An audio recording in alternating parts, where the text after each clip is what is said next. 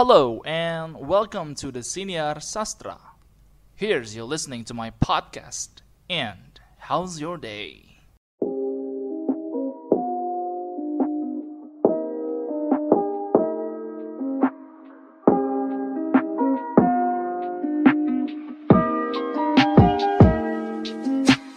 Ya, kembali lagi di Siniar Sastra. Kali ini gue bakal ngebahas tentang pengalaman seorang perawat yang kebetulan uh, mendapat bagian perawat pasien corona di suatu rumah sakit.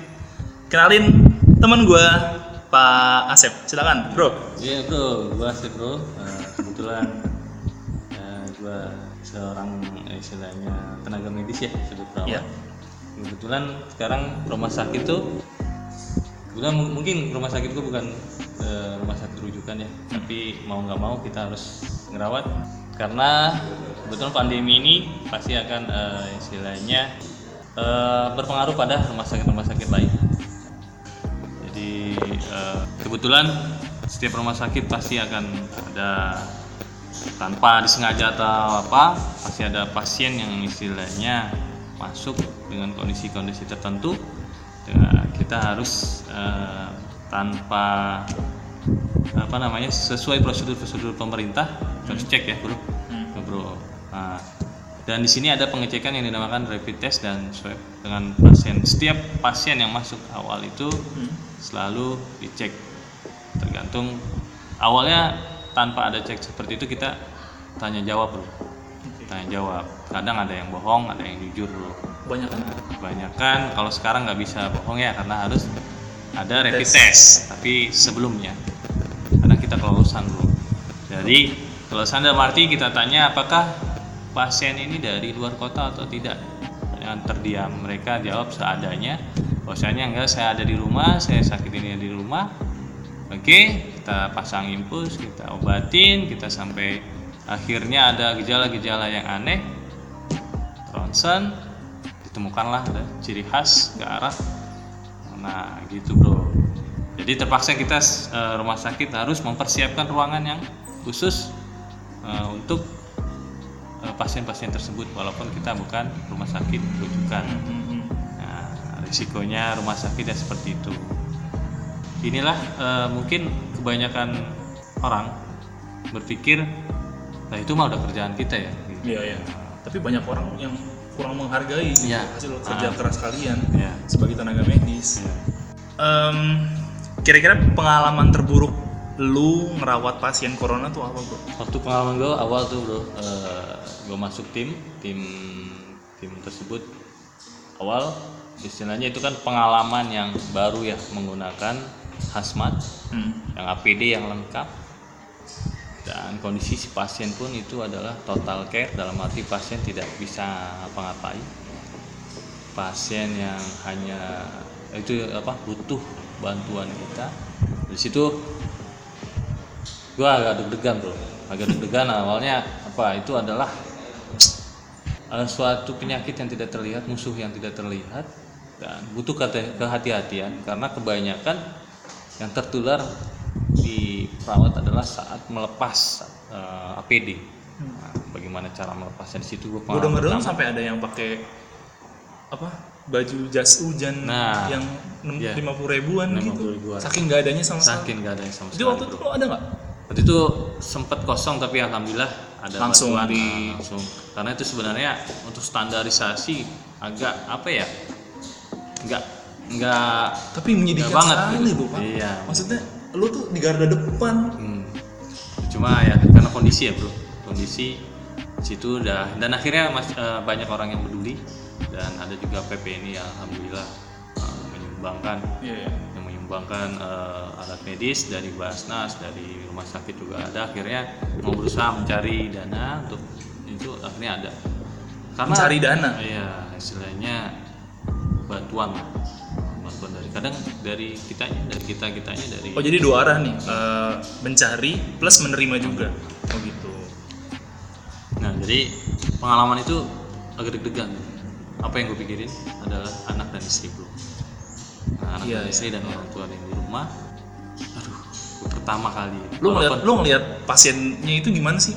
Wajahnya itu wajar menderita sekali ya, kan sesek berat nah, istilahnya situ apalagi sendirian ya.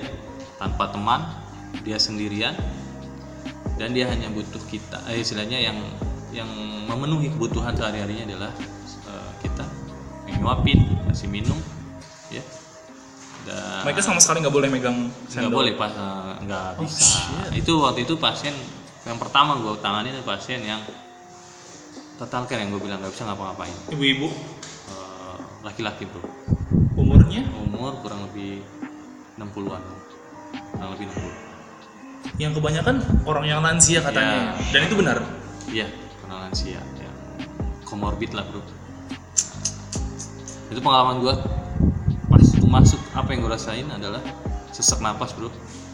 Sesak napas. Lu masuk ke situ sesak napas? Iya, gue sesek karena apa? Harus pakai tiga lapis masker yang harus sesuai dengan standar N95, masker bedah, masker N95 dan masker surgical, masker biasa.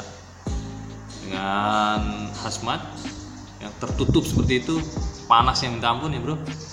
Tapi agak enakan dibanding dengan jas hujan.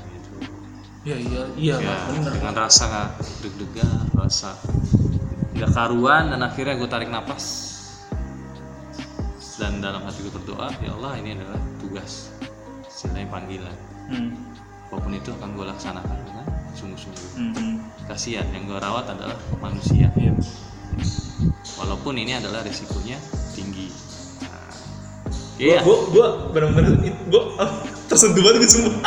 ya makanya pas gue masuk awal gue masuk emang kondisi pasien itu udah memburuk ya dari hari ke hari emang dia dari ICU bro akhirnya pas gue masuk gue lihat dia tarik nafas tarik nafas gue lagi nyek Berat banget dia tariknya. ya, gue lagi eh, nyuapin teman eh pasien yang lain gue suapin pasien yang lain Lu ajak Terus, ngobrol nggak? eh, ngajak ngobrol gue kasih semangat gue selalu kasih semangat eh, untuk pasien tersebut walaupun pasien yang satunya tidak bisa bicara atau diam aja misalnya koma tetap kita ajak ngobrol kasih semangat bahwasanya tetap zikir dalam hati pas gue lagi ngelayanin yang eh, apa namanya eh, mengurusi yang misalnya masih bisa sebenarnya masih bisa dia makan sendiri tapi kondisi lemes ya Hmm.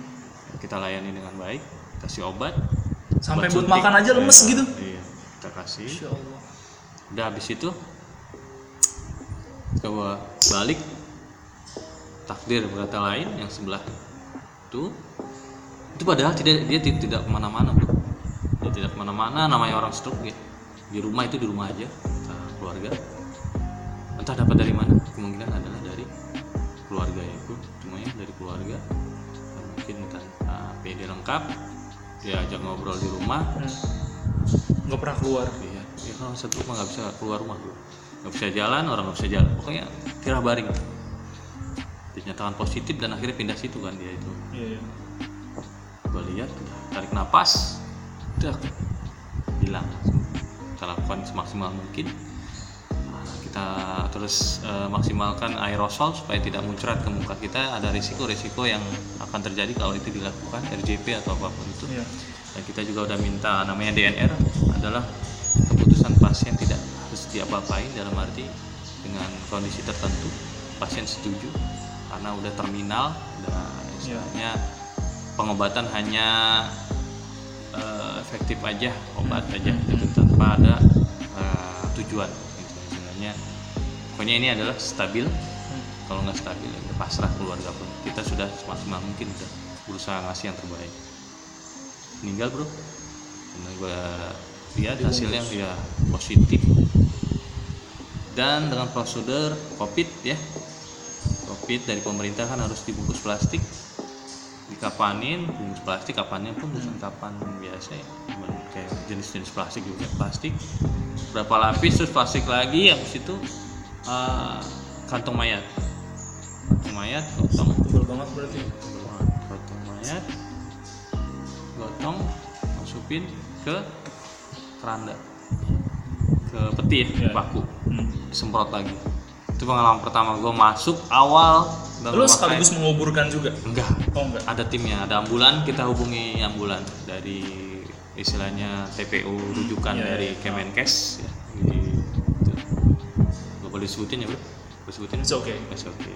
Oke. Maksudnya sesuatu yang nggak boleh ya Hmm. tanpa izin. Ada protap dari dia datang udah semalaman didiemin dulu karena apa alasan dia kita hubungi bahwasanya penuh kondisi di sini lagi banyak panggilan Oke, eh, gue cukup apa ya, lumayan tersentuh dan respect banget gitu gue sama tenaga medis, apalagi dengar langsung dari pengalaman lo. Tapi sampai sa- sampai hari ini gitu, sampai sekarang, apakah pasien terus bertambah atau malah berkurang bro? Kalau dari di tempat gue ya bro di rumah sakit yang gue kerja Hmm. untuk kemarin eh, pasien sih menurun ya kalau di, di rumah sakit nggak ada gitu. Hmm. Kemarin sempat ada PDP dan hasilnya awalnya dia negatif dan eh negatif aw- mohon maaf awalnya positif dan akhirnya dirawat berapa minggu Hmm.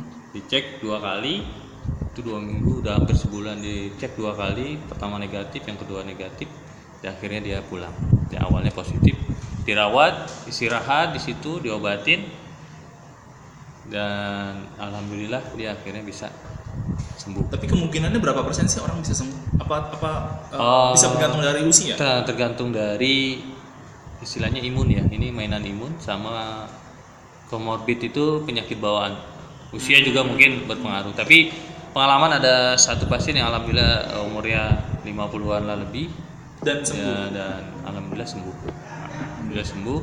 Dan satu lagi ada pengalaman juga dia ada penyakit paru juga dia termasuk PDP udah eh, tersengal-sengal udah istilahnya kita udah ngelihatnya juga nggak ada harapan tapi kita tetap semangat tetap optimis bahwasannya pasien dapat sembuh dan pasien juga optimis dan alhamdulillah. Dan itu sih emang umurnya masih 30-an lebih ya 34 dan dia semangat alhamdulillah pulang gitu. Alhamdulillah tanpa itu kuasa Allah ya. Lo lo ngerasa ngerasa seneng gitu ya, kalau ada pasien senang, sembuh dan senang, pulang. bro. senang bro cuma senang bro itu apa ya ada Pencapaian tertinggi, ya, ekspektasi tertinggi. istilahnya dia dari tersengal-sengal sesak dan, dan akhirnya dia bisa bernapas dengan biasa Hmm. dan pulang Hmm. Nah, seperti itu sih cuman agak kecewanya dari akhir-akhir ini ya pendapat bahwasannya wah jangan percaya dengan tenaga medis ada tuh selentingan selentingan yang menyatakan bahwasannya wah rumah sakit malah mencari untung kita mencari untung dari mana sekarang rumah sakit banyak ya Kolaps. dan istilahnya eh, teman sejawat pun lagi banyak Yang kena juga. kena PHK Nah, eh, lanjut ke pertanyaan yang berhubungan nih cuy. Kenapa sih sampai ada tenaga medis yang kena gitu kan? Yang menurut awam kita gitu kan, mereka full armor kan, Hmm. menggunakan eh, hazmat juga dan segala macam. Kemungkinan terburuk apa sih yang menyebabkan mereka sampai kena gitu? ya mungkin gini eh, ketika kita masuk ke ruangan itu kan ruangan khusus ya Hmm. kita memakai hazmat itu lebih dari satu jam hampir berjam-jam itu hampir 12 jam Hmm.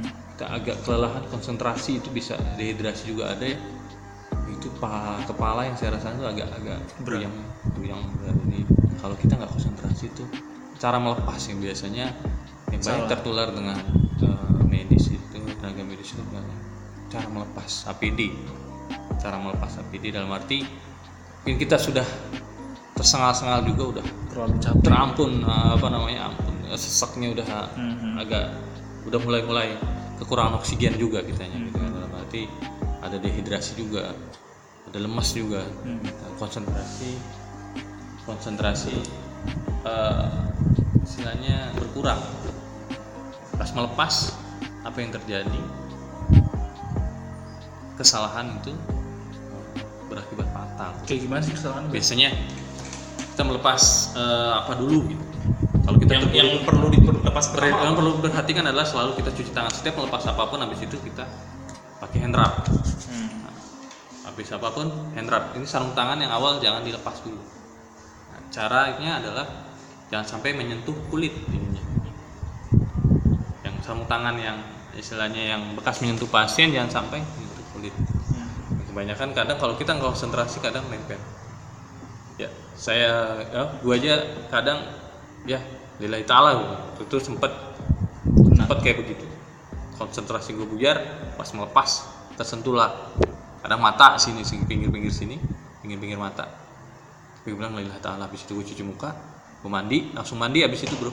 Habis mandi, langsung mandi sebe- eh, istilahnya dari rumah sakit mandi kita pakai sabun udah disediain sabun. Udah digosok sampai eh, istilahnya sampai kita yakin itu bersih. Setelah pulang pun kita harus cuci eh, mandi lagi. Mandi lagi.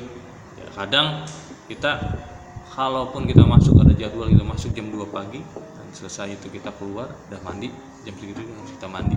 Harus segera mandi. Jadi kemungkinan pra- atau tenaga medis yang terkena itu di saat dia melepas itu sih yang istilahnya, data-data yang gua dapat atau dan juga dia punya kalaupun yang istilahnya yang sampai mohon maaf sampai ada rekan kami yang kehilangan itu ya Hmm. meninggal itu secara ini sih belum ada informasi bahwa dasarnya dia ada komorbid atau apa Tapi kebanyakan memang dari cara melepas nah, cara melepas.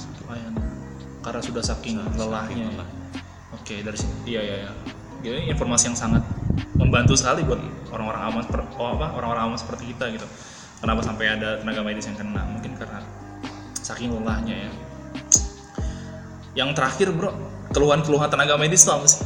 Mungkin dari pemberi apa eh, tenaga medis ke pemerintah atau tenaga medis ke rakyat. Dan ada pesan yang ingin disampaikan Ya, sih? saya pemerintah ya sebenarnya pemerintah. Kadang kita tuh bingung ya, bingung dalam arti ada statement-statement yang kurang Enak. uh, masuk di akal. gitu. Mungkin harusnya pemerintah menengahi malah diam aja sih ya. Jadi pada di apa namanya media atau apa pun itu bilang bahwasanya eh, ini tuh akal-akalannya rumah sakit, akal-akalannya tenaga medis saja gitu. Padahal kita sudah Berusaha berusaha. Emang kalau nggak ngerasain ya nggak bakal dirasa apa namanya nggak bakal mungkin nggak bakal tahu gitu. Yang paling yang paling gak enak apa sih? Yang lu dengar beritanya itu? Emang itu bro. Yang mana sih? Tenaga medis semuanya bohong.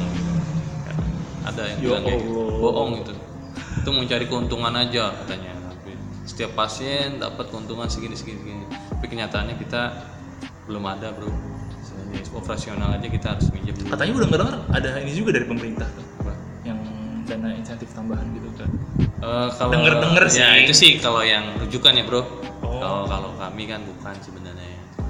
Cuma itu ada kebijakan dari rumah sakit belum ada sih sampai saat ini. Cuma butuh keikhlasan aja ini bro. Nah, tapi seenggaknya jangan menyudutkan sih ya minimal jangan sedihnya gitu kita yang kalau disudutin kayak gitu. gue juga nggak ngerti kenapa Indonesia tuh nggak pernah kompak sama nggak Jadi, ngerti lagi jadi kayak ada kepentingan mungkin kita nggak tahu kepentingan siapa. Akhirnya memojokkan medis. Dan akhirnya ya mereka menang lah. Sekarang rakyat Indonesia sudah bebas kan dengan new normal. yang padahal sebelum eh, sebetulnya bukan tidak ada corona jadi iya. new normal artinya, artinya Iya. bukan tidak ada corona kan Bukan. tapi orang masih Maksudnya itu itu berkebiasaan eh, baru, istilahnya menggunakan Iya. masker, menggunakan menggunakan istilahnya istilahnya Protokol PHB, kesehatan, ya. protokol sehat protokol, protokol kesehatan yang benar PHBS harus di eh, Patuhi. patuhi PHBS itu perilaku hidup sehat Hmm. cuci tangan sebelum sebelum makan terus cuci tangan setiap ketemu eh, setiap habis salaman terus menggunakan masker. Kalau itu untuk keluar rumah kalaupun eh, istilahnya yang penting-penting saja gitu. Jangan sampai udah dianggapnya new normal ya normal udah. Iya. Apa-apa. itu kan yang ya itu yang digiring digiring digiring oleh nggak tahu siapa. Ya normal ya normal semua. Bahwasannya Indonesia tuh katanya udah tahap 2 tahap satu aja belum selesai gitu. Menyambung dari pertanyaan sebelumnya nih kan katanya di rumah sakit dulu sendiri sudah berkurang ya walaupun itu bukan rujukan ya. Hmm. kalau kita bandingin ke rumah sakit lain kira-kira landainya turun nggak? Eh, melandai nggak kalau gue bilang sih malah menanjak ya bro dari data. Kan data kemarin 50 ribu iya. terakhir tuh kan nah, kan rujukan-rujukan itu kan pasti datanya langsung ke pusat ya Hmm. apalagi yang di di Muhammad ya tapi katanya nggak semuanya juga dong. Iya, nggak semua corona dimasukin data itu kan katanya ada yang cuman PDP nah, ah, dimasukin karena ya itu dia. Kan habis itu kan habis kalaupun negatif pasti dihapus ya pasti dihapus. Nah, makanya mungkin data itu apa ya mungkin Tidak masyarakat transparan ah, tidak transparan kurang apa ya pasti. Maksudnya nggak dijelasin secara pasti. Tapi kayaknya santai-santai aja. Jadi kayak masyarakat juga jangankan jangankan kalian gitu. Gua aja kadang kalau ngeliat berita ah lima puluh ribu. Udah kayak biasa gitu nggak kayak awal-awal. Uh dua ribu dua ribu. Wah tiga ribu. Iya. pikirannya udah ke mana-mana. Tapi sekarang lima puluh ribu kayak ya lima puluh ribu. Udah gitu jadinya. Saking jadi- lossnya gitu. Iya, jadi meluruskan pendapat mereka tuh bahwasanya tenaga medis tuh sebelum pandemi ini kita tuh menganggap semua pasien yang ke rumah sakit adalah pasien yang membawa istilahnya bawa penyakit. Hmm. Jadi kita harus berhati-hati. Apa yang ada di pikiran medis itu adalah kritis, Bro. Jadi istilahnya kita selalu bukan prasangka buruk dalam arti itu adalah mendiagnosa awal. Jadi kita ah nih orang kayaknya eh, kita anggap sebagai mem- membawa penyakit. Iya. Jadi kita harus APD, hati-hati gitu. Dan pemikiran kita siapa pun yang datang kita harus berhati-hati. iya karena siapa pun kita bawa penyakit Ah gitu. Siapa tahu kita yang lagi imunnya lagi nggak bagus, iya iya ya entah dia membawa penyakit ke perawat atau perawat yang membawa penyakit ke dia juga.